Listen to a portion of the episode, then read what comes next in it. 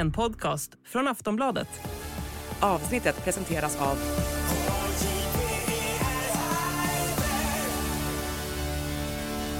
Stödlinjen.se, åldersgräns 18 år.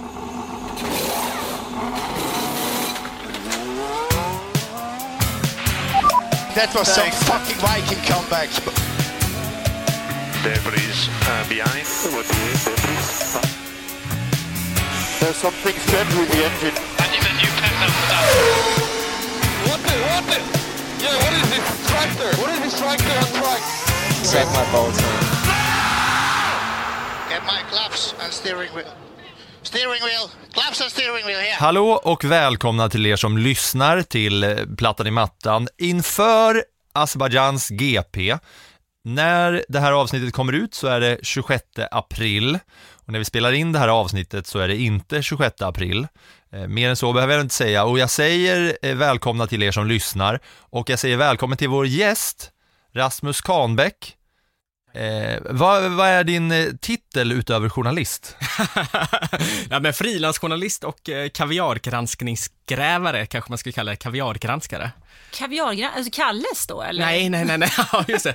Nej, som i, som i den azerbajdzjanska kaviardiplomatin. Så att jag, jag, eh, jag har under de senaste två åren varit konfliktjournalist i konflikten kring Nagorno-Karabach och grävt i den azerbajdzjanska kaviardiplomatin hur Azerbajdzjan använder sig av gåvor och fester för att få inflytande i Europa.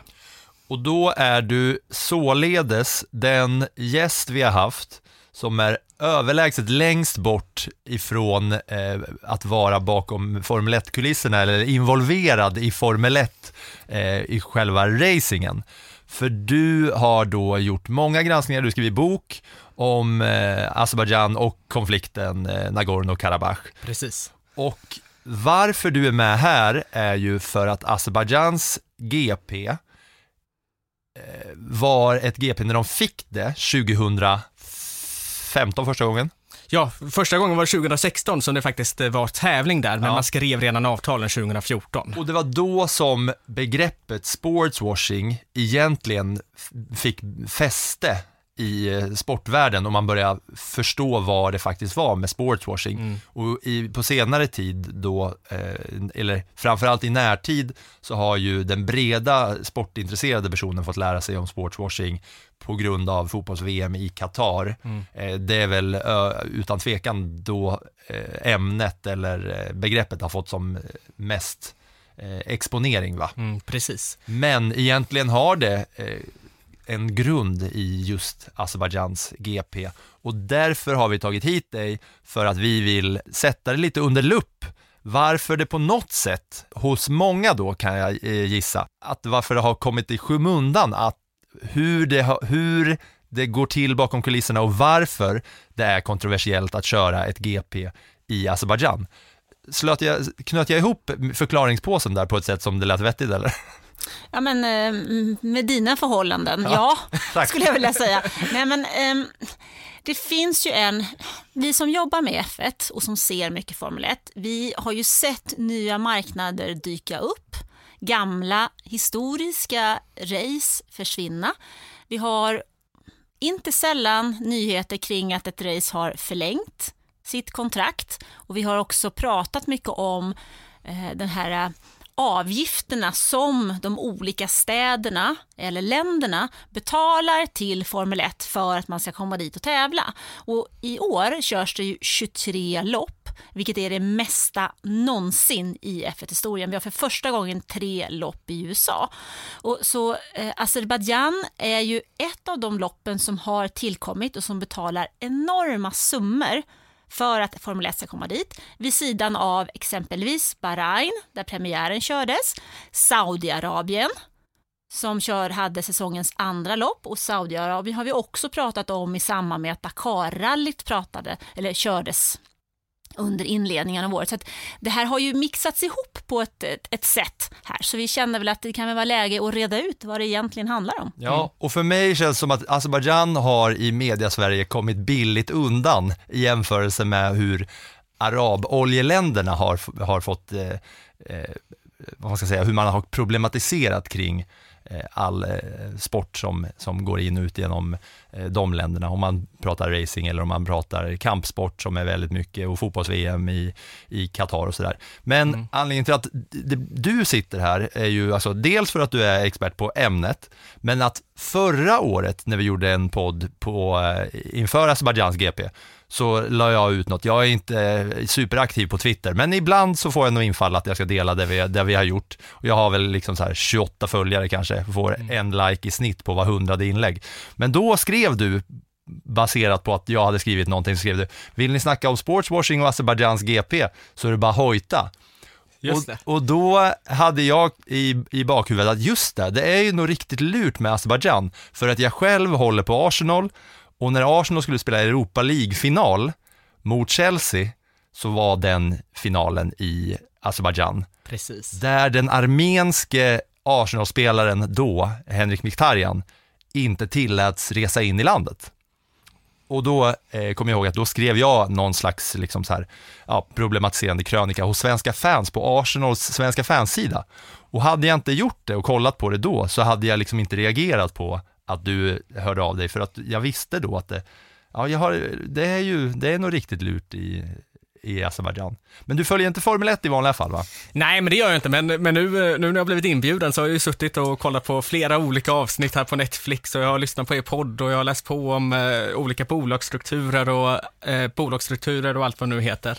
Eh, så att, eh, ja, nu har jag ju följt det jätteintensivt Ja. i tre dagar. Men för att, men för att, eh, för att ni som lyssnar ska förstå varför Rasmus är här, du har ju, du har ju varit där också flera Absolut. gånger och skrivit böcker och sådär, så du har ju varit, varit där och sett det. Ja, nej men så att eh, jag har ju varit i Azerbajdzjan, eh, en gång har jag varit eh, formellt. Sen har jag varit i Azerbajdzjan fyra gånger till informellt. Eh, beroende Vad, på hur vad man är ser det. skillnaden då? Ja, och formellt är, innebär att jag har rest dit lagligt. Och sen fyra gånger har jag rest dit vad som Azerbajdzjan anser är olagligt. Vad anser de är olagligt? då? Ja, det är när man reser in från Armenien in i den här regionen som heter Nagorno-Karabach. Men du kanske kan börja med att berätta för oss, för vi ser ju då eh, Azerbajdzjan, vi ser två långa raksträckor, vi ser tajta kurvor in i en gammal stad där man kör Formel 1. Men du, alltså, och jag kan inte ens uttala huvudstadens namn som jag säger då Baku efter mina tyska år. Ibland säger Baku, ibland. Ja, men då blir jag nervös och då hittar jag på något annat och tänker nu ska jag göra någonting som Filip tycker är bra, men det blir ju inte bra. Så jag säger, nu, nu har jag bestämt mig. Jag säger Baku. Det ligger bäst i munnen. Och Rasmus, vad är facit då? Nej, men, men Baku säger man nu i Azerbajdzjan. Däremot eh, på svenska säger vi ju Baku. Ja, men det låter ju konstigt. Så att, eh, så att det får vara både rätt och fel. Jag känner mig som en, en internationell eh, medborgare då. Ja. Men kan vi berätta för oss, eh, var ligger Azerbajdzjan? Kan vi kalla Europa?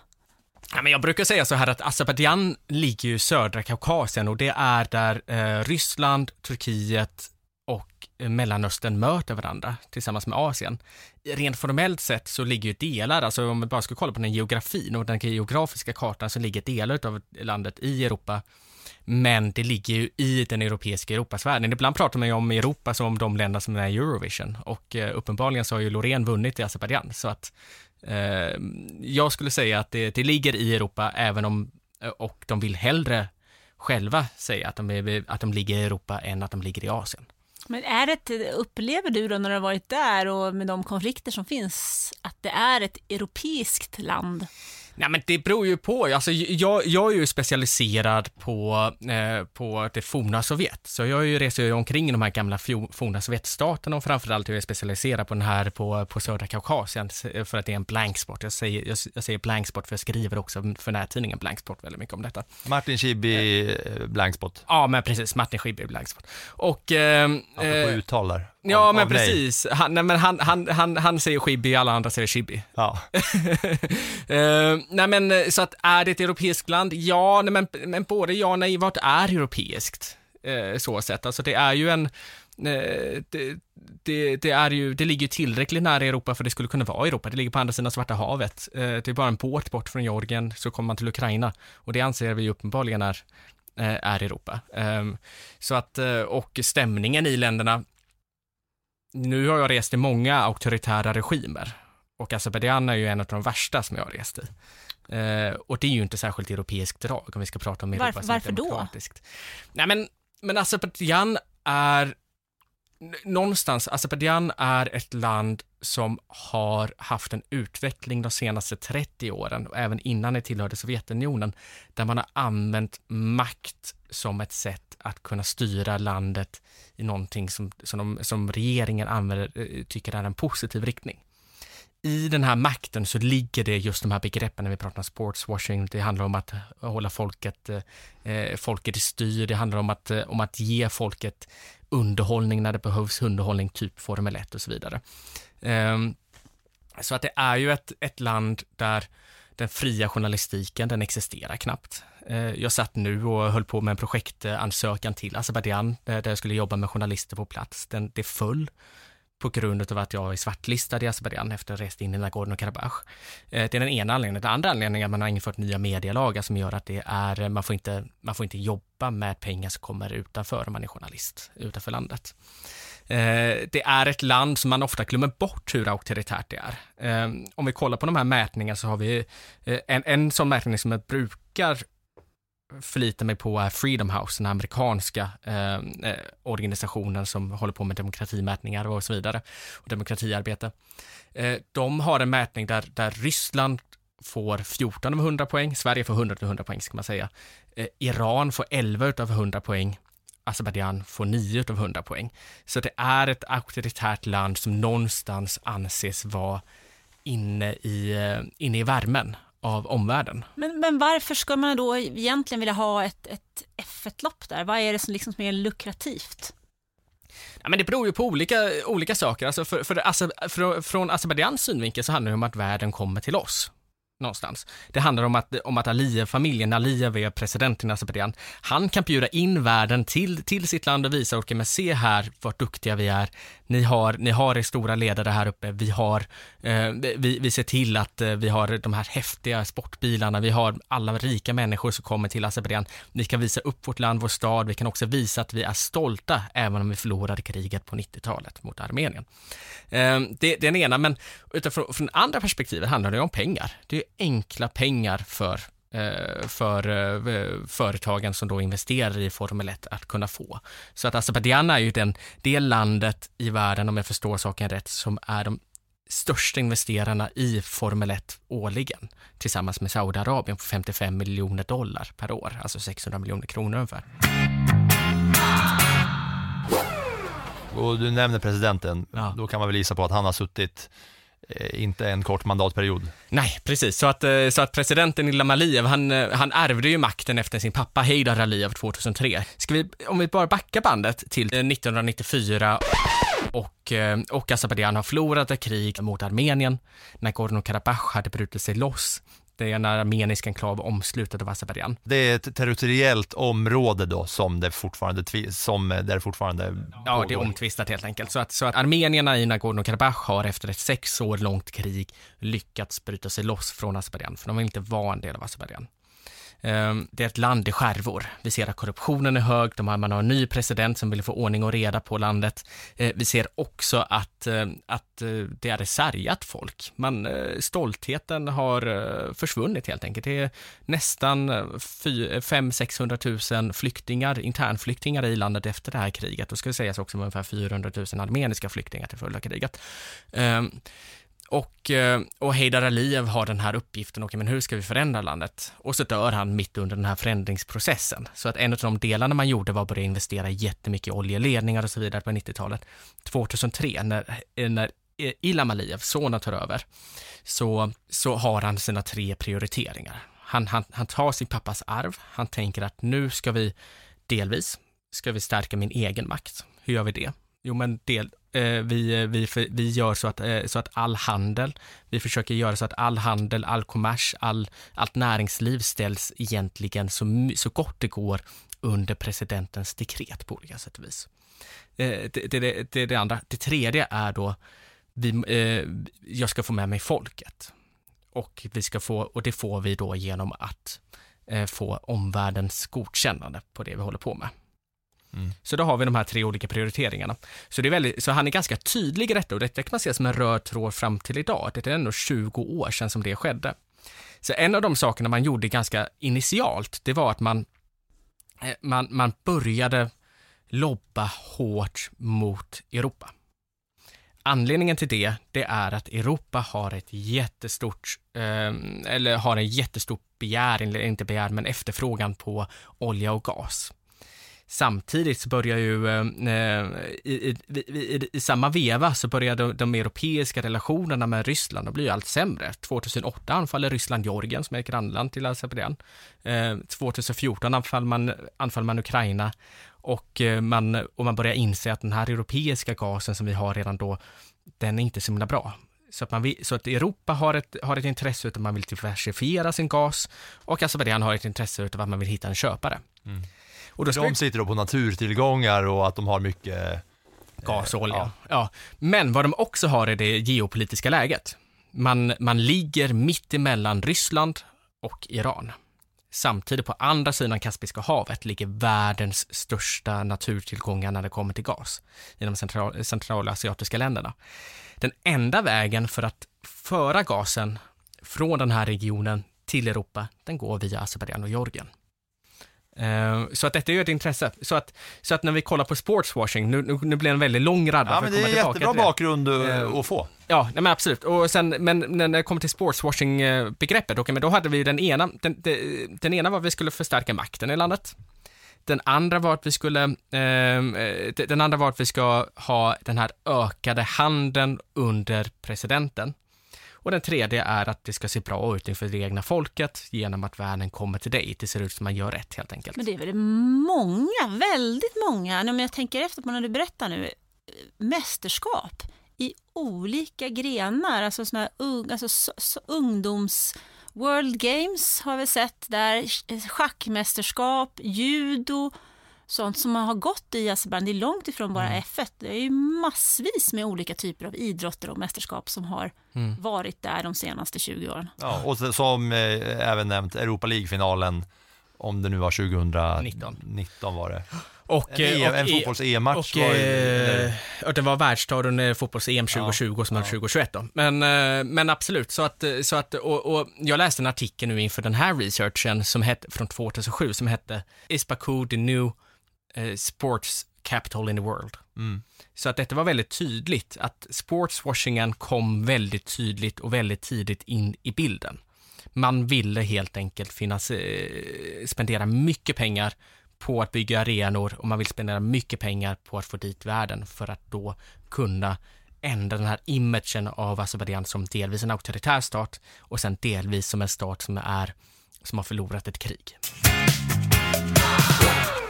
Och de här valen då i Azerbajdzjan, när den ena Aliyev tar över efter den andra, det var inga fria öppna val då, gissar man på. Ja, men det var ett, det, finns ett ganska lustigt val där faktiskt. Så att 2013, alltså eh, samma år som man börjar diskutera mellan Formel 1, eh, eh, eh, mellan Formel 1 och Azerbajdzjan om det är så att man ska eh, ha, ett, ha ett Grand Prix eller vara del av världstouren, eh, så så har man ett val där Ilham Aliyev ställer upp och det är första valet då man ska ha digital röstning. Problemet är att de släpper valresultatet morgonen innan man ens har börjat gå till valurnorna. Så att han vinner då med 82 procent utan att någon ens har röstat. Det är rätt bra jobbat. Klart och, klart och tydligt i alla fall, eh, hur det ligger till. Eh, Men 2015, eh, om vi ska försöka hålla oss till någon slags kronologi då, i hur, hur Formel 1 är idag och hur det är i förhållande till liksom då, om man jämför sportswashing på, eh, i andra sporter. Fifa, som är fotbollens eh, organisation, det vet man ju att där eh, har de ju inga problem med att ta mutor eh, och sådär. Eh, och eh, smutsiga pengar om man, eh, om man nu får säga så. FIA är ju också en organisation som är eh, form, Formel 1s eh, eh, högsta organ. Där det också har eh, funnits en del eh, kontroverser och man, som, eh, som vi var inne på, man, man kör ju i ett par oljeländer och man vet ju att de, de tar gärna emot en hel del pengar. Men just begreppet sportswashing, Mm. om man kanske bara vill formulera ett bra sätt för att förklara det. Ja, men sportswashing handlar ju om... För att Azerbajdzjan har ju då den här bakgrunden som vi, Ja. som vi pratar om, det är Nagorno-Karabach-konflikten som vi säkert eh, ska, ska prata lite mer om. Men att man då tvättar sitt lands rykte med hjälp av Sport. sporten. Precis, och, man, och, det och det finns ju, sportswashing finns det, eller det finns många begrepp som slutar på washing, typ eco-washing och så vidare också. Eh, det, men det handlar ju, alltså betoningen ligger ju på washing. Här handlar det om att påverka, förändra en image för ett land och detta har ju Azerbajdzjan jobbat med ganska länge.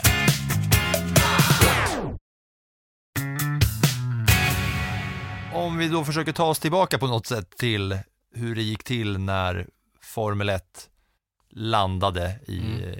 i Baku då, och, och man började köra i GP där. Ja, det första mötet som jag sett var mellan, mellan Hey, I'm Ryan Reynolds. At Mint Mobile, we like to do the opposite of what Big Wireless does. They charge you a lot, we charge you a little.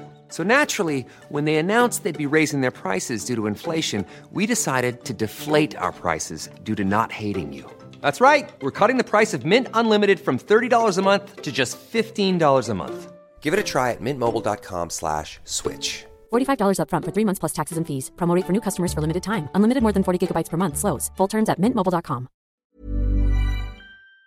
Ecclestone och Aliyev hölls 2012.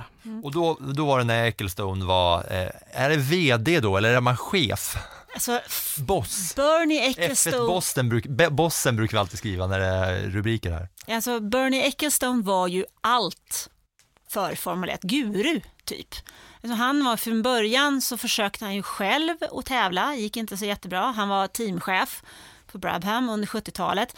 Men han var också grundaren till det företag som han skapade för att kunna sälja rättigheterna att sända tv från Formel 1. Han byggde sig ju, han byggde upp sporten eh, i mitten av 70-talet genom att samla teamen under de här, vi pratat om the Concrete Agreement, Concord Agreement många gånger, vilka, regler som ska gälla runt. För Formel 1 är ju lite unikt så att de är faktiskt med, teamen måste själva vara med och sätta, sätta reglerna till detta. Och han styrde ju Formel 1 med järnhand och tittade för att få in mera pengar och bli, han gör hans företag ännu mer framgångsrika och honom själv ännu mer rik så tittar han hela tiden efter nya marknader. Vi såg ju under, under en lång period här att man var i eh, Sydkorea, man var i Indien, han hittade nya marknader i Kina, eh, Turkiet, eh, Azerbajdzjan är då en av dem där man tittade efter nya möjligheter att tjäna pengar där många av de kanske klassiska banorna försvann och man gjorde också säsongen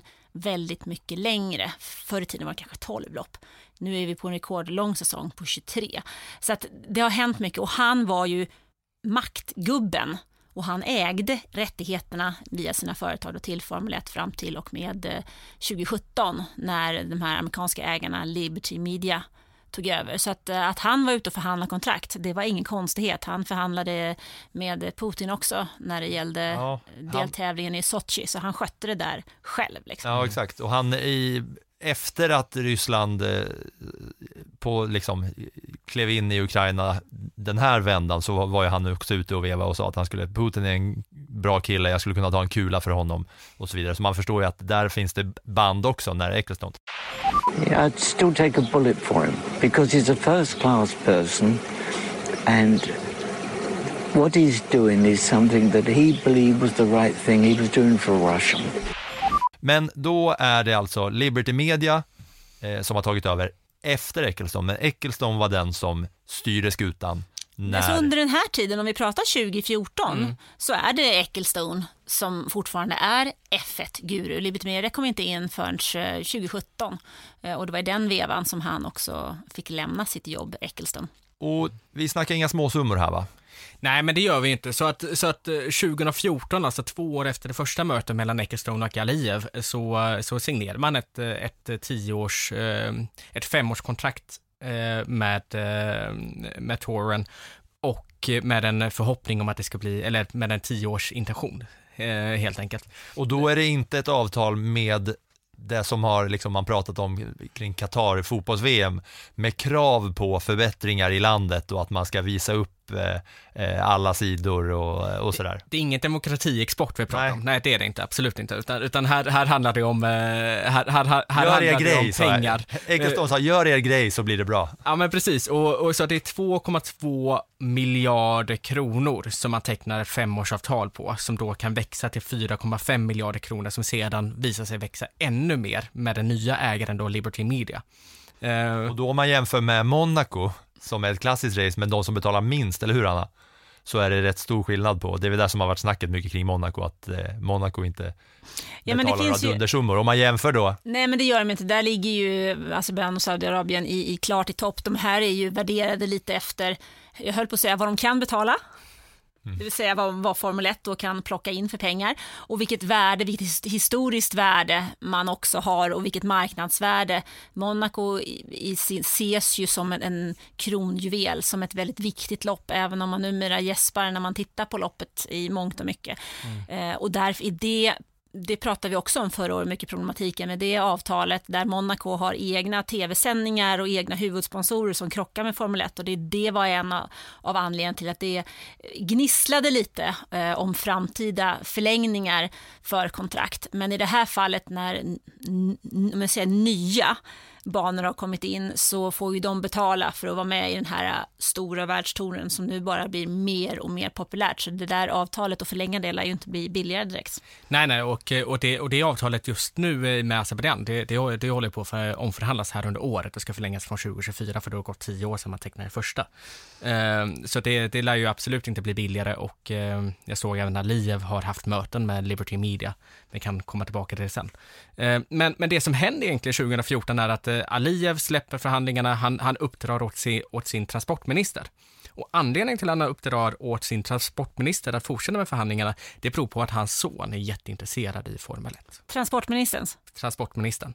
Mm. Eh, och... Otroligt att transportministerns son är intresserad av ja. transport. Precis, så, att, så att transportminister heter As, äh, Assad Rahimov och sonen heter Arif Rahimov. Och, och, och Arif, det finns, ett, det finns ett ganska roligt skämt eh, när, när, man, när, när det här kontraktet skrevs. Det, det var nämligen, så, så att man, man får föreställa sig en dialog mellan far och son. Och då säger eh, sonen Arif till sin pappa, pappa jag är ju en jättebra racerförare. Och då säger ser eh, att, men vad bra min son, då köper vi ett race uh, och detta är någonting som liksom cirkulerade på sociala medier 2014-2015 i Azerbajdzjan.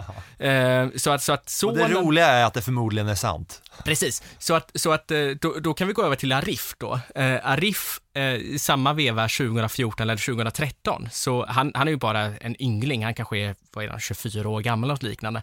Han blir då VD för ett, för ett nybildat företag som heter Baku City Circuit precis som, som banan, eh, banan heter. Mm. Eh, och är vd där än idag. Så, att du, så rent formellt sett är detta ju inte ett avtal mellan Azerbajdzjan och Liberty Media, utan det är ett eh, avtal mellan Baku City Circuit och Liberty Media. Mm. Däremot med azerbajdzjanska pengar. Ja. Eh, och även oljebolaget och det statliga olje och gasbolaget gick in där ett tag och eh, blev huvudsponsor. Eh, sen vet jag inte varför det försvann, men det, det gjorde det. Mm. Och Sen börjar man då eh, köra där och in kom, kommer eh, alla förare och, och tv-kameror och hela världens ögon på det.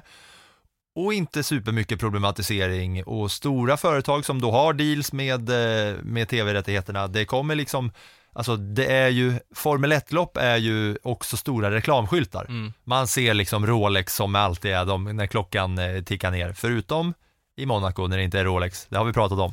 Det är Tag Heuer. Ja, ja, ja. Men, eh, men och alla de här oljebolagen då med stora reklamskyltar. In kommer det och det här gynnar ju eh, Azerbajdzjans eh, regim. Ja, och jag var ju, eh, det lustiga är ju att jag var ju i Azerbajdzjan när det här skedde. Och då var det legalt? Ja, där, då var jag legalt. Ja. Eh, eh, precis, så det var min första resa till södra Kaukasien. Och du var inte att, där på uppdrag att följa hur det skulle gå med nej, Formel 1? Nej, nej, nej, jag var där på, jag var där på, en, eh, på en okritisk semester, eh, kan man säga. Så att jag, jag flög in till, till Baku en, en, en stormig natt eh, i juni eh, och jag visste inte att det skulle vara Formel 1-lopp. och och jag har aldrig varit i en stad som det blåser så mycket i. Så att det är en, det är så att det, det liksom blåser på kvällen och vi kommer fram till det här sunkiga hotellet, jag och min eh, flickvän då. Ehm, och ehm, eh, och det här hotellet är bland det värsta jag någonsin har bott på.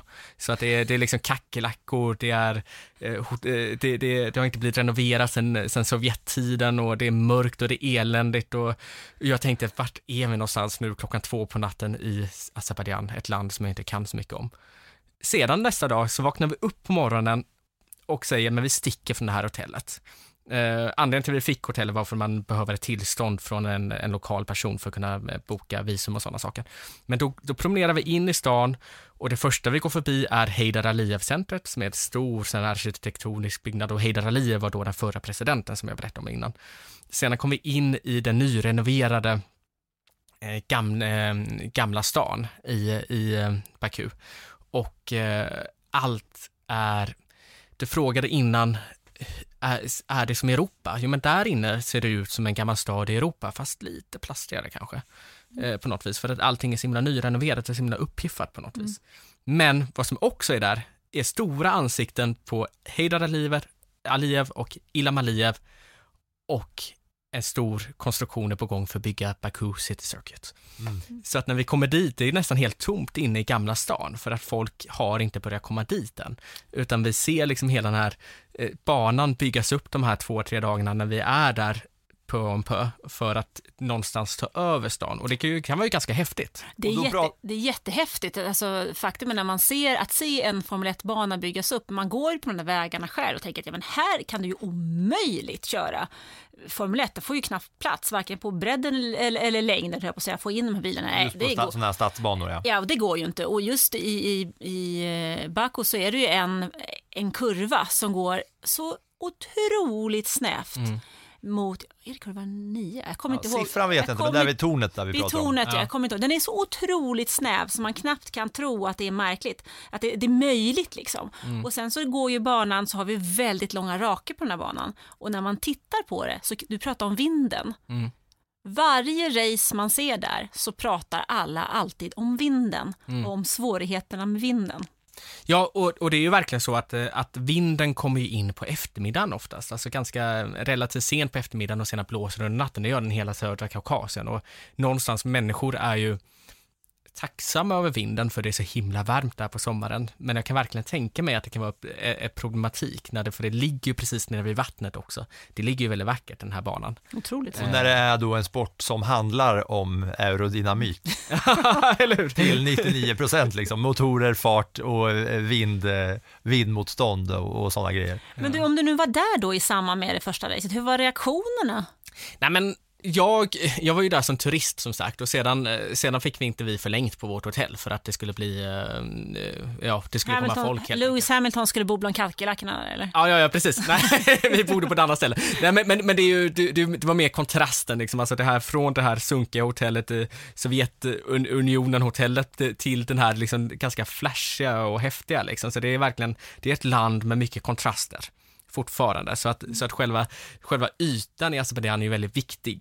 Eh, och det ska man ha med sig i allt det här också, att, att, eh, att, att, eh, Formel 1 är ju en del av den ytan. Eh, reaktionerna då, alltså jag pratar ju med folk eh, och jag, de, det var några som var lite oroliga för att eh, försäljningen skulle gå sämre för att de liksom fick stora mm. eh, skydd framför sina butiker medan andra eh, tyckte det var ganska häftigt. Alltså Pharrell Williams var ju där och skulle komma par dagar tid, senare tillsammans med några andra stora artister. Mm. Eh, så att det var ju verkligen dessa stora världsartister. Eh, Pharrell Williams, han var ju den största artisten man kunde tänka ja, sig. Ja, det var då under Happy. 2016. Precis. Ja, tiden. Ja. Han var happy, ja. Mm.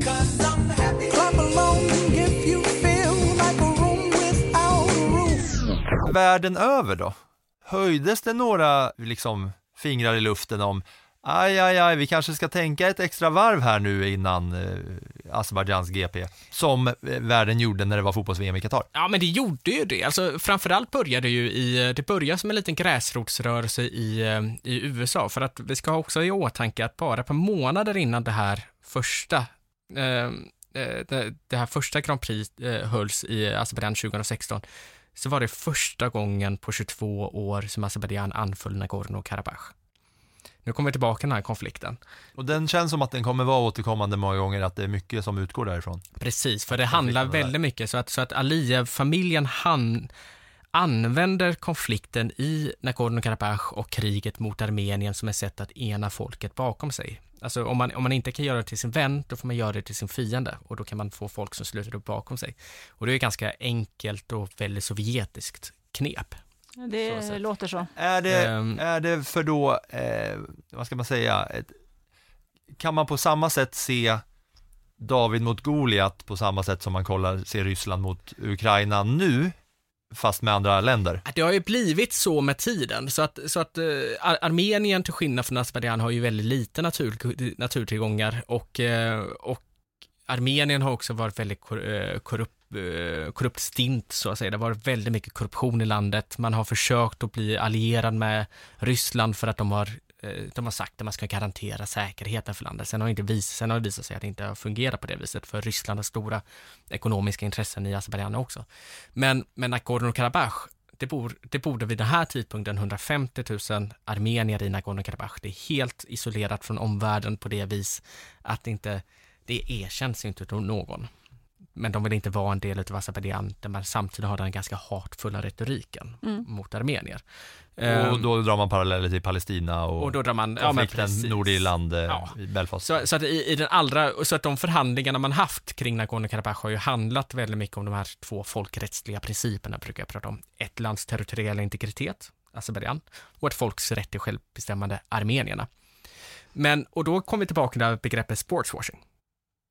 Mm. Eh, För du frågade, med vilka reaktioner var det från omvärlden? Vad var det som hände 2016? Jo, men de här gräsrotsrörelserna, framförallt i USA, armeniska, de började skriva väldigt mycket debattartiklar och fick ganska mycket uppståndelse.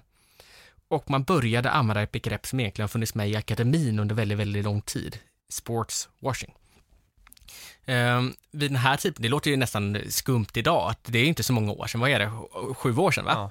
Eh, och nu pratar vi om sportswashing hela tiden, men 2016 var det ett ganska nytt begrepp inom populärkulturen. Mm. Amnesty plockade upp detta och släppte då en rapport om Azerbajdzjan och det var egentligen första gången som, som det blev så stort, att man använde det begreppet. Som man tog det i folkmun så att säga, Precis. sportswashing. Precis. Och det är ju verkligen en helt annan sak nu. Nu känns det som ett begrepp som, alltså är man intresserad av sport så känner man till eh, fenomenet eller vad man ska Ja.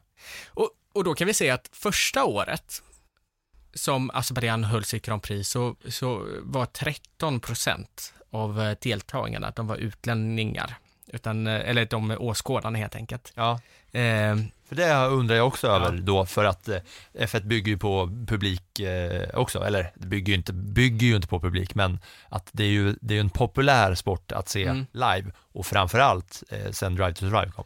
Ja, och det är ju spännande för att 2016, det, alltså en väldigt stor kritik inne i landet handlade just om att men här har vi jättehäftigt, men det är ingen som har råd att gå. Mm. Men det måste ha ökat enormt för att när man tittar på eh, och det pratas om vilka banor, när jag läser liksom rapporter Mm. efter året, vilka banor som har haft ökning och varit, varit, har varit en ökad andel, andel publik, så ligger just Azerbajdzjan högt. Precis, och det visar ju också att det hjälper någonstans. Alltså delvis är det en stor, ganska häftig stad, Baku. Eh, Det är, de flesta som åker till Baku tycker väldigt mycket om Baku. Ehm, och sedan ser vi att eh, senast var det 30 procent av publiken som var eh, influgna från utlandet. Så här ser vi en ökning. Eh, och eh, nu är det inte så att bara för man åker till ett land att man intresserar sig för ett lands historia eh, och så vidare, men det är ändå några som gör det. Eh, och som börjar intressera sig för historieskrivning, vad det är som egentligen som händer i landet. Och det som är mest, det som man pratar mest om i Azerbajdzjan, det är ju konflikten i Nagorno-Karabach någonstans. Var det, var det så för dig också? Att du åkte dit och sen fick du upp ögonen för det? Eller hade du koll på Ja, det innan men alltså min, min första resa, det var ju, eh, eh, det var då 2016, jag var i Azerbajdzjan. Jag, eh, jag träffade en soldat som hade varit med i kriget och invaderat eh, Nagorno-Karabach då ett par månader tidigare och eh, han uttryckte eh, vad jag förvånades över var det hat han uttryckte mot armenier. Det var, armenier var ju inte värda mer än en kackerlacka ungefär, eh, för, i hans värld. Eh, sedan reste jag då vidare till Georgien och jag reste ner i Armenien Och i Armenien så satte jag mig på en buss för att åka in i Nagorno-Karabach för min flickvän, hon ville inte åka in dit själv. Utan hon, hon tyckte att om vi ska åka till en krigszon, då ska vi åka in under ordnade former åtminstone. Rimligt, Ja. eh, kanske. Ja. Eh, och, eh, och det var ju min första resa i Nagorno-Karabach också. Och den här bussen, den åkte jag tillsammans med eh, armeniska diasporamedlemmar från USA.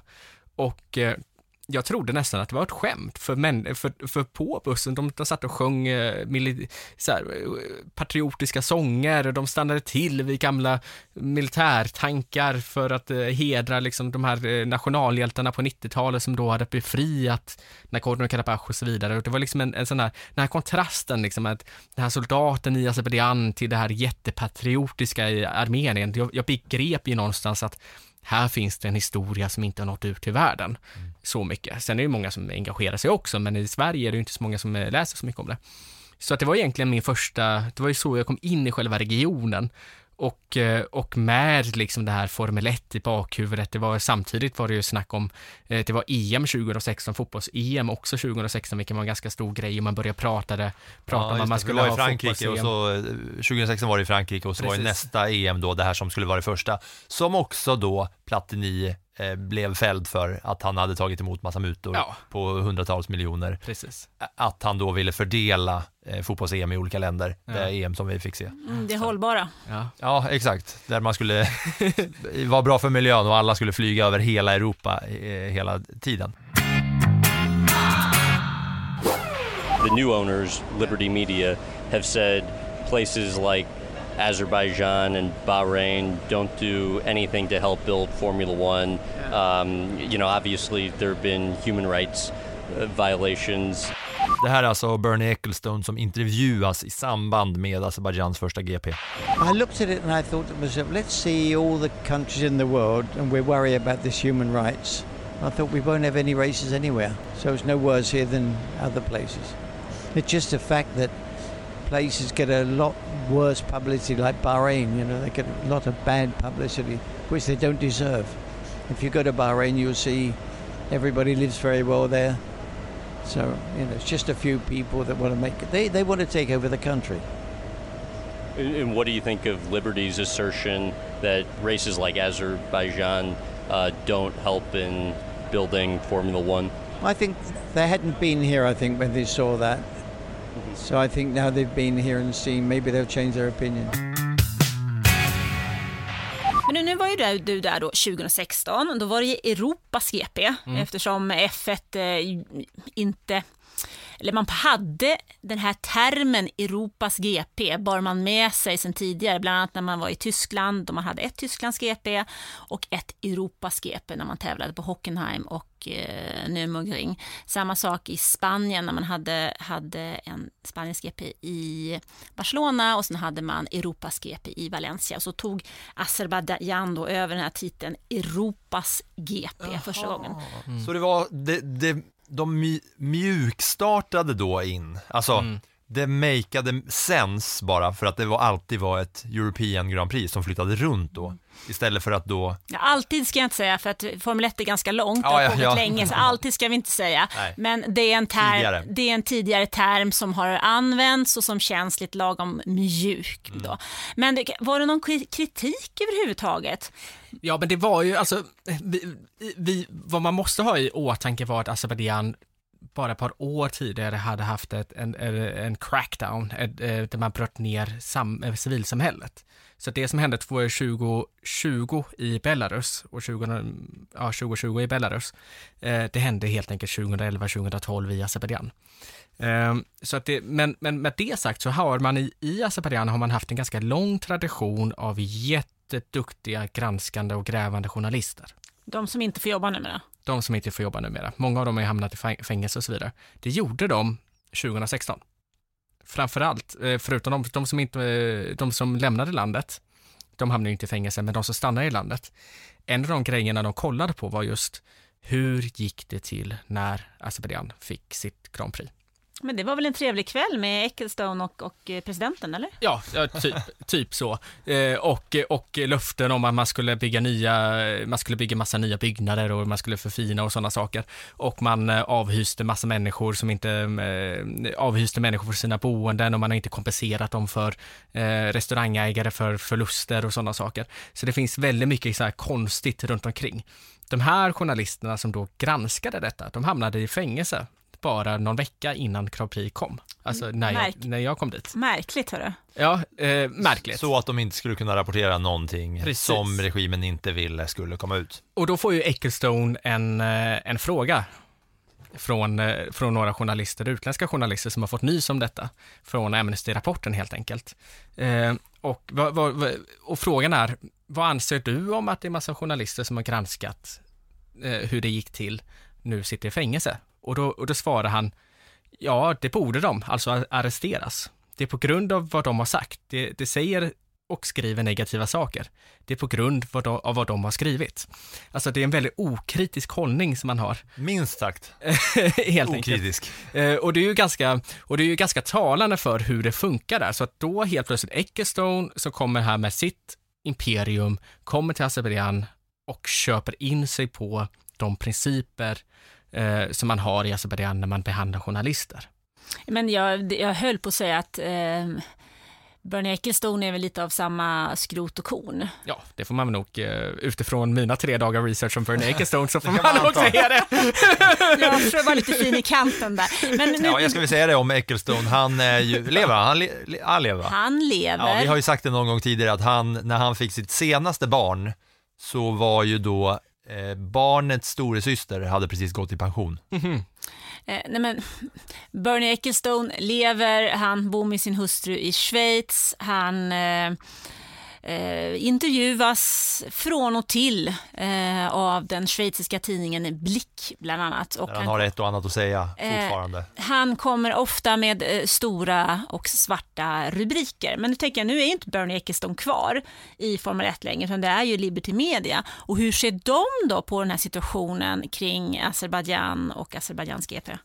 Först och främst, vad var det som hände? Li- Liberty Media gick in och köpte, köpte upp, eller hur? Hur gick det Ja, till? alltså Liberty Media köpte rättigheterna till Formel 1 av Bernie Ecclestones företag och det gjorde man 2017. Och, och Liberty Media är ju ett amerikanskt mediebolag. Och när man köpte de här rättigheterna så såg man till att man anställde folk inom Formel 1 som har en bakgrund inom Formel 1. Så de som styr F1 idag har ju alla haft tydliga roller i F1-depån tidigare. Länge, fram till årsskiftet var väl Ross Braun VD. Han var tidigare världsmästare tillsammans med eh, Benetton, Ferrari, sitt eget team Braun GP.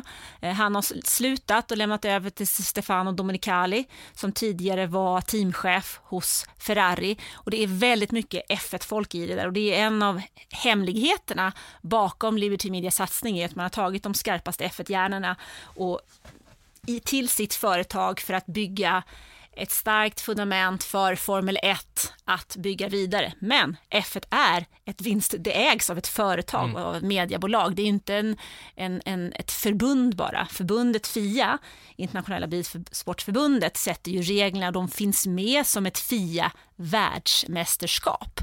Och det där har under åren varit en konflikt, men den behöver vi inte ta just nu. Och sen så gör de ju det lilla, lilla genidraget att starta den här dokumentärserien Netflix eh, Drive to Survive också, Liberty Media. Det måste ju vara på deras... Eh, Men man- De som var styrande och ledande inna, inom Liberty Media i det här läget, de har ju en bakgrund inom amerikansk tv. Så att när de träffade en dokumentärfilmare som tidigare gjort sportdokumentärer så hade dokumentärfilmaren idén att man skulle göra en dokumentär om ett team.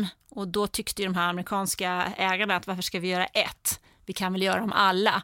Idén föddes och F1 slog igenom. och Men- nu, är, nu är sporten eh, flera hundra procent större än vad den Ja och, nu, har- varit. ja, och de har ju tittat mot USA och därför är det, tycker jag, en naturlig fråga att kolla hu- hur är deras tankar kring just Azerbajdzjan? Har det kommit någon kritik? För att Liberty Media vill ju göra sporten mycket, mycket större i USA, för det är ju en oöppnad marknad. De har tre lopp idag, fler än någonsin, men de har nya biltillverkare. De har en, alltså det finns ju så mycket pengar där som skulle kunna göra den här sporten ännu större. Och är Azerbajdzjan då intressant, eller vågar man? Ja, men alltså den, eh, i alla fall den dåvarande vdn, jag tror fortfarande är vd för i alla fall Liberty Media, va? Eh, Greg Maffel heter han, eh, som blev, som blev utnämnd. Han, bland det första han gjorde, det var att han gick in och kollade på, okay, men vart är det, vart har vi våra lopp i världen och vad, vad innebär de här?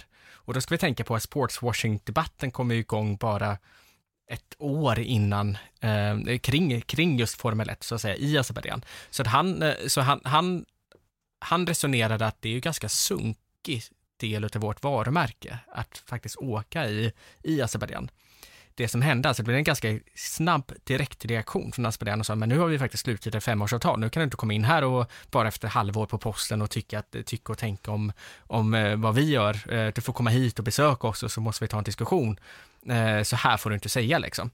Så att, så att reaktionen från Liberty Media var ju från början att man, man hade ändå tanke på att okej, okay, vi kanske ska göra oss av med Azerbajdzjan, trots att det var helt eh, på, nypåkopplat. Men se, så har det ju inte blivit, utan tvärtom så har man ju 2021, eh, när man då skulle Eh, 20, 2019 eh, ska vi säga så, så, så uppdaterar man sitt avtal i fem år till, fram till 2024. Och det är ju efter att Liberty Media har klivit in. Ja, det är Liberty Media, absolut. Ja. Eh, och, eh, och, man, eh, och då kommer man upp på de här 4,5 miljarder kronorna som, som jag pratade om i början helt enkelt. Men 2021, då bestämmer man sig för att ja, men nu tar vi ett nytt tag om detta. Eh, och eh, eh, och skriver ett nytt trio, ett uppdaterat treårsavtal innanför de här tioårsramarna, där vi pumpar in ännu mer pengar och det är då Azerbajdzjan blir den största investeraren i, eh, i Formel 1 i världen tillsammans med Saudiarabien med sina 600 miljoner kronor per år. Och då Eh. har ju också de facit i bagaget vad det gynnar. Azerbajdzjan vet ju Mm. hur det gynnar eh, ja, deras, vad man ska säga, varumärke eller hur det gynnar landet i, eh, i stort och sådär. Att investera så mycket i sporten. Ja, så, att, så för Azerbajdzjan, när det kommer till, till gynnandet, så, ja men absolut, det funkar, det, det har man verkligen bagaget, men man ska också ha i åtanke att 2020, hösten 2020, anfaller eh, Azerbajdzjan Nagorno-Karabach igen. Så vi har alltså ett land, vi ska alltså tävla i ett land som är i krig. Det kan man nog säga att de är vid den här tidpunkten också, så att, så att det som händer, den stora kriget, så att vi hade fyra dagars kriget 2016 när jag var där. Mm. Sedan 2020, hösten 2020, det är då man lägger ner fredsförhandlingarna på allvar med Armenien. Man lämnar alltså det som FN har sagt att nu måste ni sitta vid förhandlingsbordet för att lösa konflikten med våld. Eh, och det gör man den 27 september och det är, det är 44 dagar jätteblodigt krig. Det är uppemot 10 000 människor som dör och, jätte, och 50 000 människor som hamnar på flykt. Ehm, vid den här tidpunkten. Jag åker ju till Nagorno-Karabach i mars 2021. Alltså ett par månader efter kriget slutade. Eh, och eh, gör ett reportage för fotbollstidningen Offside om eh, fotbollsspelare som kommer tillbaka från fronten efter att ha kämpat då mot Azerbajdzjan. Så att när, och här har vi det här viktförhållandet som har förändrats. Så att Azerbajdzjan har då vunnit kriget, man tagit över två tredjedelar av Nagorno-Karabach och man har eh, fått kontroll över, eh, ja men även, även eh, ett stort förhandlingsövertag mot Armenien kring detta. Eh, människorna i Nagorno-Karabach, nu bor det bara 120 000 människor där istället för 150 000 människor. Det är män, man, man, man har haft Kalishnikovs och kämpat mot turkiska drönare i princip. Eh, och Ilham Aliyev påstår att det inte skedde ett enda krigsbrott, trots att jag var där och såg hur städer helt bara eh, rasar samman så att säga i Det är ju liknande läge som eh, man är i omvärlden nu med alla krigsbrott som eh, Ryssland har begått i Ukraina och alla mänskliga rättighetsorganisationer som, som har bevisföring för det. här, Liksom. Precis, Och och, och, nu, detta, vad skillnaden är med Nagorno-Karabach, det är att, som, som jag sa, det är en icke erkänd republik innanför Azerbajdzjans territoriella gränser. Det innebär att det är ganska svårt att få tillstånd att kunna komma in där. Jag är den sista utländska journalisten som faktiskt fick tillstånd att komma in. Ehm, förmodligen för att jag höll ganska låg profil kring konflikten innan och så vidare. Och att jag skulle skriva om fotboll. Så att samtidigt som jag är där så börjar helt plötsligt den här sportswashing-debatten om eh, Qatar. eh, om man ska ha fotbolls-VM i Qatar.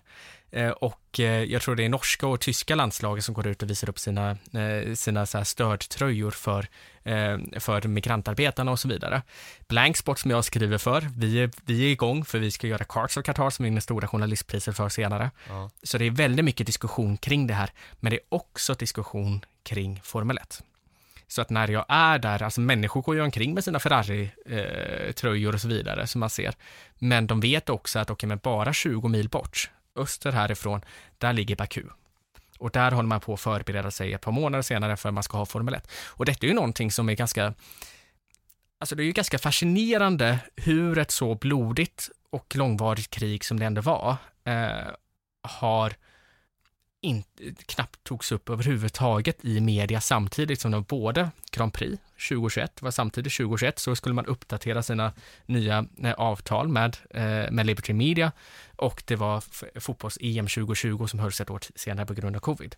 Ja, och Europa League-finalen som var året innan. Ja, och 2019, fotbollen liksom. är ju, nog för att Formel 1 har blivit stort nu, men fotbollen har ju större strålkastare just Ja. på sig, även om det är en eh, Europa League-final eh, bara. Ja, men precis. Så, så, så är det ju. Ehm, och och jag, jag tycker det är jättebra att man börjar prata om sådana här saker inom andra sporter också. Ehm, för det måste man ändå ha med sig. Ehm, nej, men så att det, det är väl eh, så att eh, 2021 är ett sånt här år där man i Azerbajdzjan tänker om lite. Man vill förändra sin image för man har ett problem. Man ser, man ser att världen har börjat reagera. Man har gått från att vara den här gashandelspartnern i det där skumma landet som ingen kan stava till, till att bli även en aggressor, till att bli det landet som har anfallit och, och brukat våld mot civila. Så att då vill man pumpa in ännu mer pengar. Och då, när vi är inne på de här grejerna, så drar man ju såklart paralleller till Ryssland eh, som hade en rysk förare med ett team, Haas, som där största investeraren var eh, ryss. Det har funnits ett GP som har körts i Sochi. Mm. Och där och då tar ju for, liksom Formel 1, eh, om man får välja att ta Formel 1-cirkusen som, som en organisation då, Mm. tar ju beslutet att eh, Haas vill inte ha någon, något att göra med ryska förare eh, och ryska ägare. Formel 1 vill inte att man kör ett eh, race i Ryssland. Mm. Då har de ju tagit ett beslut att i ett land som för ett anfallskrig mot ett annat, där vill vi inte att vårt varumärke ska synas ihop med. Mm. Samtidigt så har man möjlighet då, eller så har man egentligen haft möjligheten att ta samma beslut Mm. kring Azerbajdzjan, men ändå väljer man att stänga ute Ryssland, Mm. men inte stänga ute Azerbajdzjan. Ja, och det beror ju på lite olika saker. Alltså det ena är ju att eh, folk har inte så mycket kunskap om Azerbajdzjan, vad som sker. Det andra är ju också att hela den här konflikten med Nagorno-Karabach är ju diffus. Det, och det beror ju på att Nagorno-Karabach ligger innanför de terri- territoriella gränserna i, ehm, i Azerbajdzjan. Man skulle säga att det är som Västmanland då helt enkelt. Ja, man, kan, man, man skulle snarare kunna jämföra med typ Donbass och eh, Luhansk i Ukraina. Eh, förutom att då har man haft fredsförhandlingar på uppdraget av FN, vilket man inte haft i Luhansk och eh, Donetsk.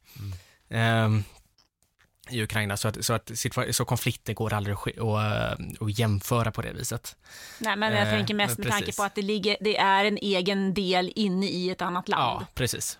Eller lite Ja. som Västberlin var under, eh, Ja, eller Åland i Finland, ja, typ. eh, kan man Fast det säga. är vatten. Ja, det är vatten. Ja, men precis. Nej, men verkligen. Eh, och, det ligger, och jag brukar säga att Nagorno-Karabach ligger den här armeniska eh, bergsplatån möter den azerbajdzjanska steppen.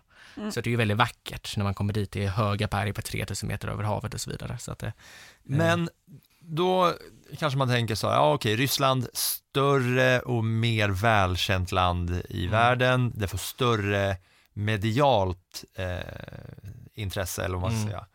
Och då blir det tydligt avståndstagande av Formel 1. Vilket man, jag gissar på att Formel 1 då tjänar på, Mm. rent imagemässigt, men att Formel 1 då inte skulle göra samma marketingmässiga värdeökning om man tog, eh, om man tog avstånd från Azerbajdzjan och sa att här ska vi inte köra någon mer race. Nej, men sedan, jag, jag började med att säga att jag är kaviargranskare, brukar jag ofta säga. Så att kaviardiplomati, det ena vi har är kaviar. den, den, eh, en gåva helt enkelt, diplomati, det är beslut. Så att hur ska man egentligen få igenom, eh, delvis att man ska få igenom beslut som gynnar eh, ett land och delvis få igenom beslut som gör att, att man kan ändra imagen på sitt land. Vi pratar om sportswashing, men vi pratar också om en helt, en mycket större struktur för att kunna, för sportswashingen är ju bara en del av det här jätte, jättestora maskineriet där Ilham Aliyev i början sa, okej okay, men jag har mina tre prioriteringar. Jag vill ha makt, jag vill, eh, eh jag vill ha finanserna underställda mig och jag vill att eh, världen ska komma till Azerbajdzjan och inte tvärtom. Så att säga. Ehm, eh, och kaviardiplomatin, den började egentligen 2008 med en organisation som heter The Azerbaijan European Society. Och det var en lobbyorganisation som man la i eh, Tyskland och man la den i Bryssel. Och man, och man, eh, och man började eh, muta och uppvakta eh, politiker. Alla tog inte emot mutor och sen är frågan vad är en muta, vad är inte en muta och så vidare. Eh, 2010 så blir en svensk chefslobbyist eh, för den här organisationen, heter Göran Lindblad och en moderat som var en gammal riksdagsledamot och som, som sedan en kort period satt i Europaparlamentet. Men när han inte fick, blev omvald, då blev han istället rekryterad av Azerbajdzjan för att kunna driva kaviardiplomatin i Europa. 2012 så har man sin största, eh, eller sin, sin, sin största eh, framgång i det här och det är när man, när man mutar tillräckligt många personer i Europarådet för mänskliga rättigheter för att kunna rösta ner en resolution som eh, som är emot Azerbajdzjan, en jättehård resolution som handlar just om de här demonstrationerna, den här crackdownen som man hade. Um, det här är då bevisade... Ja, det är bevisat. Så det, det sitter en, en, en kille i fängelse just nu, Göran Lindblad, han får inte sätta sin fot i EU längre, han är portad helt enkelt. Eh, han är född 1950 så att jag antar att han är eh, kort i pension i alla fall. Eh, eh, så, så, att det, det har nog löst sig för honom i alla fall. Men, och, så detta är egentligen vad man, vad man gör då, att det blir jättedålig publicitet för alltså Azerbajdzjan runt 2016. Men efter kriget 2020, 2020 då, vill man, då börjar man investera jättemycket pengar i sporten igen. Man lägger in 600 miljoner kronor per år i, i Formel 1 och man, man får dit fotbolls-EM och så vidare.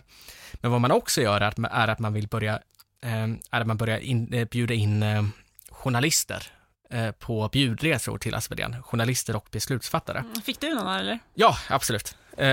Så att det, det är klart att jag fick en inbjudan jag också, så att bara på månader efter jag kom tillbaka från Nagorno-Karabach i mars 2021 så kom, så kom eh, den azerbajdzjanska ambassadören i Sverige och eh, erbjöd mig att skriva under ett förlåtelsebrev för att jag åkte in i Nagorno-Karabach illegalt som man, eh, som man skulle, som man hävdar vad som händer då är att eh, vi för en dialog om att jag vill åka till Azerbajdzjan. Han erbjuder mig en, eh, ja, ett paket kan man säga, att uh, han vill introducera mig för människor i Azerbajdzjan och jag ska få kunna komma till de här delarna av Nagorno-Karabach som Azerbajdzjan har tagit tillbaka med våld. Det vill jag ju jättegärna rent journalistiskt. Uh, Men inte på någon annans bekostnad? Men inte på någon annans bekostnad. Men där var det vissa journalister som eh, ville. Ja, så att eh, det som händer är att jag blir samtidigt så kommer en svensk cyprianska organisation och erbjuder mig den här resan. Vad de skriver i sitt mejl är, vi vill bjuda in dig Rasmus för att du ska vara med i ett team som ska, som ska skriva om Nagorno-Karabach utifrån ett azerbajdzjanskt perspektiv. Det är uppdraget. Eh, jag tackar nej efter ett tag, så jag spelar ut eh, ambassadören och den här föreningen mot varandra och de lovade, de, de lovar mer och mer och, eh, och, och så vidare. Men bara, och då börjar trakasserierna mot mig. Men bara, och det, och som pågår än idag ska sägas. Vi behöver inte gå in på det jättemycket. Ja, men eh, lite grann lite ändå. Grann. För den här, eh, just den här journalistbjudresan, ja. det, var ju, det var ju ett stort, det var ju en stor grej i media-Sverige. Ja, det blev ju en stor Ni grej. Ni avsatte ju folk. Ja. I princip. ja, men, ja, men, ja, men, ja, det kan man säga. När det avslöjades att, att, att eh, journalister hade tackat ja till Ja, så att, eh, så att det som sker är att ett par veckor senare så skriver en journalist till mig och säger att du Rasmus, vi måste nog prata för jag har varit i Azerbajdzjan. Jag vet inte vad, vad valutan heter i landet. Ehm, han har helt enkelt fått allt betalt för sig. Så han, han, han, han har ens inte hållit i en sedel. Han har varit där i en vecka och de har bott på eh, Hilton Hotel och varit på takterrasser och de har åkt till Nagorno-Karabach i bussar och så vidare. Ehm, och sedan släpper vi först det första reportaget, det blir inte jättemycket uppståndelse. ett par dagar senare så, kommer det, så ser jag att det är en till resa på gång. Och det visar sig att Publicistklubben Södras ordförande är med på den resan. Agneta Nordin heter hon. Ehm, och har accepterat att åka på en bjudresa. Och det är då det blir stort helt enkelt. Mm. Det är det jag känner igen eh, Ja. från medierapporteringen tror jag. Precis. Eh, och hon får ju då avgå med public- Publicistklubben ska ju värna om etik och moral och sådana saker. Men för att gå tillbaka till att detta är ju bara ett, ett exempel på hur man har jobbat i Azerbajdzjan för att kunna förändra sin image. Så vi har den här kaviardiplomatin som då handlar om att muta politiker, det handlar om att bjuda in sportspersoner för att kunna, för att kunna bli sporthuvudstaden i Azerbajdzjan, men det handlar också om att förändra imagen genom att bjuda in jättemycket journalister. Mm. Eh, det här pågår fortfarande än idag, de här bjudresorna. Och jag har eh, skrivit om bjudresor för Europaparlamentariker och så vidare också. Och det man också får eh, rent ur landet då som anordnar den här Formel 1-tävlingen är ju att Formel 1 är ju förknippat med kändisar, pengar, fart och flärd och då kommer ju kändisar dit Mm. som man ser då eh, finns i depåerna, eh, de finns ute på griden innan racen drar igång när David Coulthard går på sin gridwalk. Alla de kändisarna, si och så många miljoner följare, Mm. Snacka om Pharrell Williams och, och sådana där. Eh, visst att det kanske är mera kändisar som kommer vara i Las Vegas och Miami än vad det kommer vara i Azerbajdzjan, men det sker ju. Ja. Och man får då publicitet från de hållen också, inte bara från liksom tv-sändningar och Mm. rapportering om Formel 1 i Azerbajdzjan. Men skulle du, alltså har, under de här åren ändå när sportwashing har blivit ett mer etablerat uttryck, eh, vi pratar om det i fotboll, Formel 1, tittar man på F1 så är det ju flera lopp då, eh, Saudiarabien, Bahrain, Azerbajdzjan pratar man om. Ser du någon skillnad eller är det på väg att bli någon förändring av trenden eller är det fortfarande så att Formel 1 gärna ser att man lägger race i den typen av länder. Hur upplever du det? Nej, men så länge det finns pengar i det hela, det, så, så tror jag ändå att det kommer fortsätta. Och men vi ser ju nu, vi har ju det här avtalet som ska då omförhandlas, tioårsavtalet. Det finns ju ingenting som tyder på att det inte kommer gå igenom. Um, jag såg att uh, Ilham Aliyev var med, eh, vad heter han, eh, eh, den nya vdn för... Stefano Domenicali. Ja, Stefano Domenicali. Eh, eh, de hade ju ett möte bara för ett par månader sedan, för några veckor sedan, eh, eh, tillsammans i, eh, i Azerbajdzjan där Stefano eh, prisade Ilham Alijevs arbete för att återuppbygga Nagorno-Karabach och så vidare. Eh, och även har lagt in lite pengar i den här som en, som en fin gest helt enkelt. Eh, och jag antar att det handlar om att om att det är tjänster och gentjänster också till viss del. Eh, så att när vi kollar på den här sportswashing, alltså det, någonstans i västvärlden har det ju blivit så himla känt att vi, vi kring, speciellt i de, de rikare delarna av västvärlden, har det ju dåligt rykte, men om vi kollar i Azerbajdzjan, folk är ju ganska, folk förstår ju nog, förstår nog vad som händer, men de tycker också om det. Alltså som sagt, världen kommer till dig. Men finns det någonting Finns det någonting positivt ändå med att länder som kanske annars har svårt att visa upp sig och ta en plats, ta Mm. en medveten plats på världskartan, att de betalar så att de får den här platsen? Finns det någonting positivt? Ja, men det gör det ju utifrån perspektivet att, eh, att alla mår ju bra av nya intryck och alla mår ju bra av att eh, träffa nya personer. Vi kunde se i Ryssland 2018 när fotbolls-VM var där att det var jättemånga människor som stiftade nya bekantskaper och så vidare. Och det kan ju Eh, jag också vet det, säga att jag var ju i Ryssland som, Ja. som ja, du jobbar för den andra tidningen, men jag var också där som supporter och på en liksom resa som man gör på mästerskap, träffade jättemycket ryssar Mm. och de ryssarna var chockade över att omvärlden var så trevlig. Mm. För att ryssarna som, som eh, den bilden de hade fått uppmålad, särskilt när man var i de mindre, inte när man var i Moskva eller de här andra, men typ i Ekaterinburg som ligger längst bort eh, av alla spelländer, det var ju så mycket folk som, som hade fått en uppmålad bild av att alla som inte är ryssar hatar Ryssland. Mm. Så, no, så alla var liksom oroliga för när världen skulle komma dit. Ja. Och sen upptäckte de, oj, alla är ju trevliga, det är ju inte, det är inte fruktansvärt det här. Nej, men jag tänker på en annan sak också och det är framförallt när det gäller Saudiarabien då, där kvinnor numera får köra bil. Det fick de inte och hade antagligen inte fått heller om det inte hade varit så att Rally Dakar och F1 kommer in i landet. För det var liksom ett, ett av kraven för att man ska få ta över de här stora arrangemangen. Så kan det finnas sådana fördelar i Azerbajdzjan också, eller du ser ingenting? Nej, men alltså jag ser ju, alltså jag pratar ju väldigt mycket om att makten ska, ska förstärkas i Azerbajdzjan och man använder, ju, man använder ju sporten för att kunna förstärka sin egen makt de facto. Alltså det är ju en del av hela den, den stora strukturen på något vis liksom. Eh, nej men det har ju, sen har det inte funnits mycket krav, alltså demokratiexportkrav som jag sa innan, det har inte funnits på, på Azerbajdzjan. Och det är ju någonting som man behöver jobba mycket mer med, men till syvende och sist så är det pengar som pratar, money talks på, på något vis liksom. Eh, så att det eh, jag vet att ni bad mig innan tänka lite kring de här positiva effekterna. Eh, och, och då, Hitta ingenting? Ja, men de positiva effekterna handlar ju väldigt mycket om, eh, om möten mellan människor och så vidare. Att, att världen kommer dit, men det finns inte så mycket i själva landet som skulle kunna, som, som tyder på att landet blir bättre av att sporten kommer dit. Det är inte så att det blir rikare bara för att Formel 1 är där, för, att, för de pengarna, de går ju ändå, det gör det ju ändå kassakon på något vis liksom. Eh, det, det, blir inte rikare utav att fotbolls-EM kommer dit. Eh, det, det, det är möjligtvis att det, kunde, att det bidrar till turistindustrin och, och att eh, småföretagare kan, eh, kan gynnas av det. Men, men det, vi ser inga reformer, tvärtom så ser vi ju de senaste åren, framförallt efter 2020, efter man, efter man vann kriget, att de azerbajdzjanska demokratireformerna de, är, de, är, de finns inte, utan det är tvärtom. Det är auktoritära reformer man, man, man genomför. Och sporten är med och, och, och till viss del legitimerar det genom att inte kritisera det. Jag tänker ju på sådana som Vettel, Lewis Hamilton, som har tagit ställning för vissa, i vissa politiska frågor Eh, och eh, höjt eh, sina röster kring miljömedvetenhet och eh, för allas lika värde och sådana.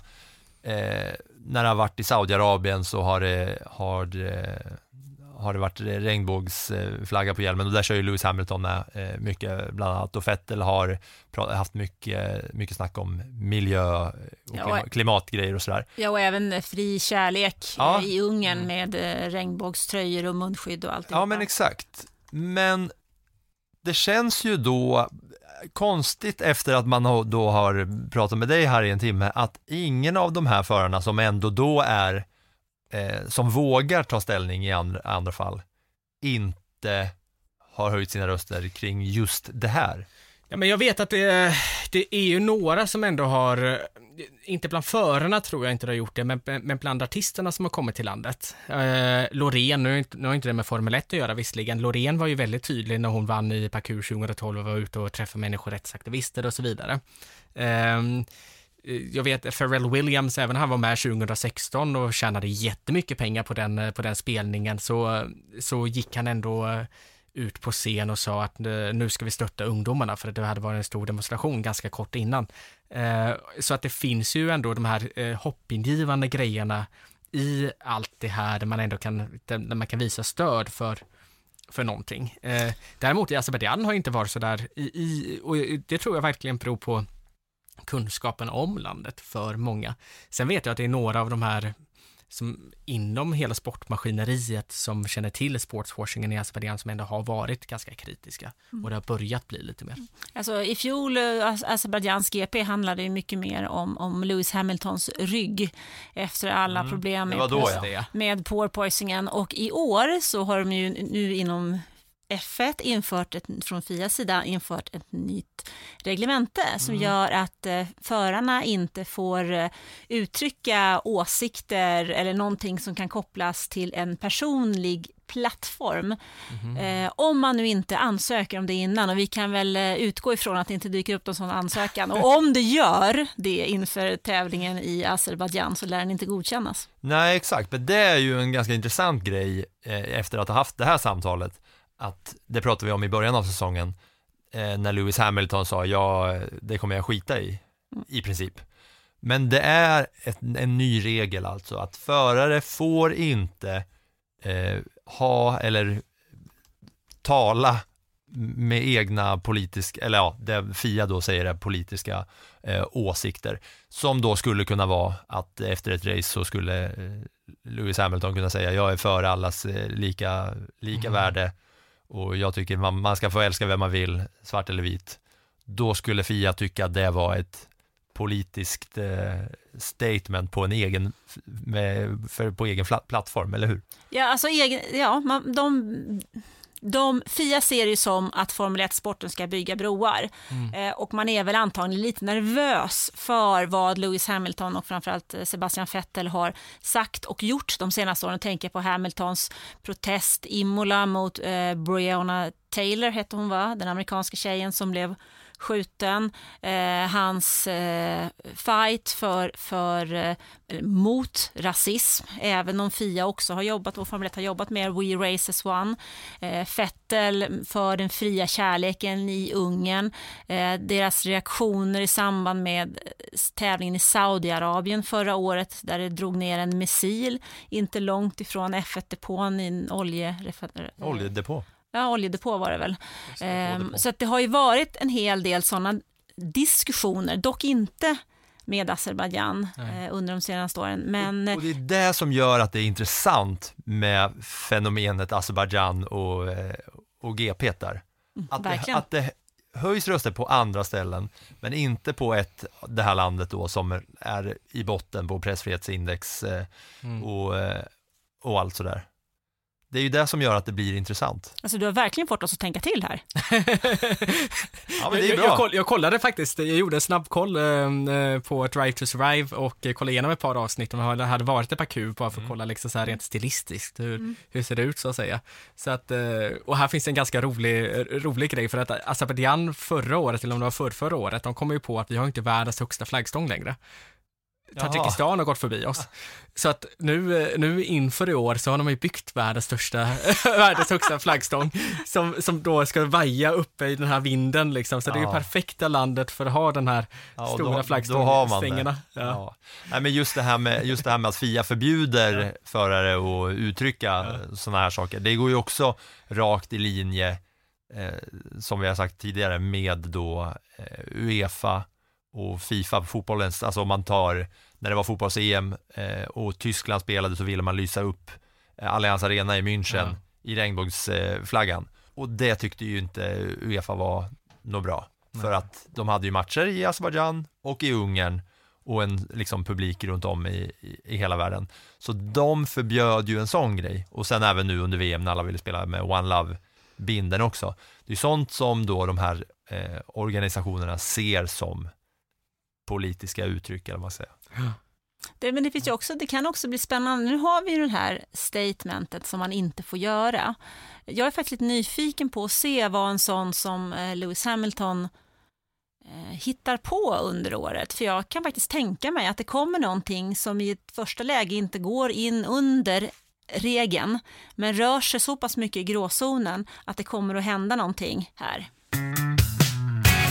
Tycker du vi ska bete oss nästa vecka då, när vi ska snacka ner det här racet efter att ha gjort det här avsnittet och att det blir vårt ställningstagande att egentligen inte snacka upp racet men belysa eh, hela den här eh, konflikten och sportswashing och sådär. För nästa vecka, eller om några dagar, så är det ju Azerbajdzjans GP. Mm. Och vi som podd, det, vårat jobb är ju att prata om Formel 1 och racingen. Ja men det är väl, det är väl klart, alltså, jag menar, det, det, det är ju det är två olika saker. Det, alltså, det ena är ju konfliktjournalistik och det andra är sportjournalistik och ibland går de ihop, ibland går de inte ihop. Så att det, det, det, det, det en bevakning utav en sport, det är ju någonting man gör va?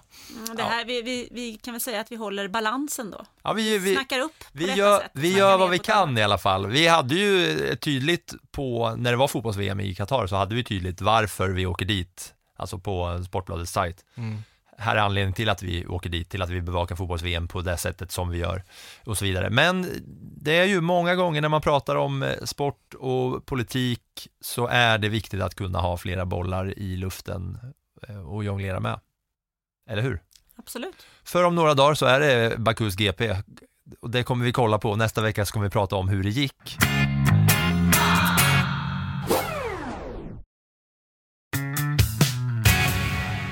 Så med det sagt så tackar vi jättemycket för att du kom hit och eh, lärde oss en hel del. Eh, och förhoppningsvis lärde många av våra lyssnare det ena och det andra eh, och belyste den här Hej, jag Ryan Reynolds. På Mint Mobile, we like to do the opposite of what Big Wireless does. They charge you a lot, we charge you a little. So naturally, when they announced they'd be raising their prices due to inflation, we decided to deflate our prices due to not hating you. That's right. We're cutting the price of Mint Unlimited from $30 a month to just $15 a month. Give it a try at mintmobile.com slash switch. $45 upfront for three months plus taxes and fees. Promo rate for new customers for limited time. Unlimited more than 40 gigabytes per month. Slows. Full terms at mintmobile.com. konflikten Nagorno-Karabach och även belyste sportswashing och gav oss lite nya infallsvinklar. Ja, men tack så jättemycket för att jag fick komma hit och jag är ju, eh, nu kommer jag börja följa Formel 1 efter detta. Ja, hur många, hur många Drive to Survive-avsnitt eh, har, du, har du sett än så Nej, länge? men jag, jag, snabb, jag snabbspolade igenom alla, jag, jag kollade på internet och kollade vilka avsnitt de var i Baku i. Ja. Och så gick jag igenom all, ja, jag var fem, sex stycken kanske. Men då kan jag ju säga en sak till dig, att om du nu inte har sett alla Drive to Survive så är ju det, det är ju ingen dokumentär, utan snarare en... eh, Ett förskönande eh, Uppiff. action. Ja, ett uppiffande av ett slags manusdriven underhållningsprogram. Det är lite mer som Toto Wolff säger, det är mer Top Gun Mm. än vad det är dokumentär. Så ska man följa F1 så får man nog följa hela säsongen, för jag lovar, den har både det ena och det andra. Men den bästa inkörsporten är ändå, så många av våra lyssnare, Ja. att kolla på Drive to Survive. Absolut. Och där får man se azerbajdzjanska flaggor. Ja, men det viktigaste är bara att du ska, det viktigaste är då bara att du ska koppla bort din eh, politiska, journalistiska, eh, intresserade hjärna Ja. och bara ta in det. Ja, nej, tack så jättemycket för att eh, du var med i Plattan i mattan, Rasmus Kahnbäck och eh, lycka till och var försiktig du. Ja, tack så mycket. That was some fucking Viking comeback. Debris uh, behind. There's something strange with the engine. What the? What the? Yeah, what is this tractor? What is this tractor on track? Set my bolts Get my claps and steering wheel.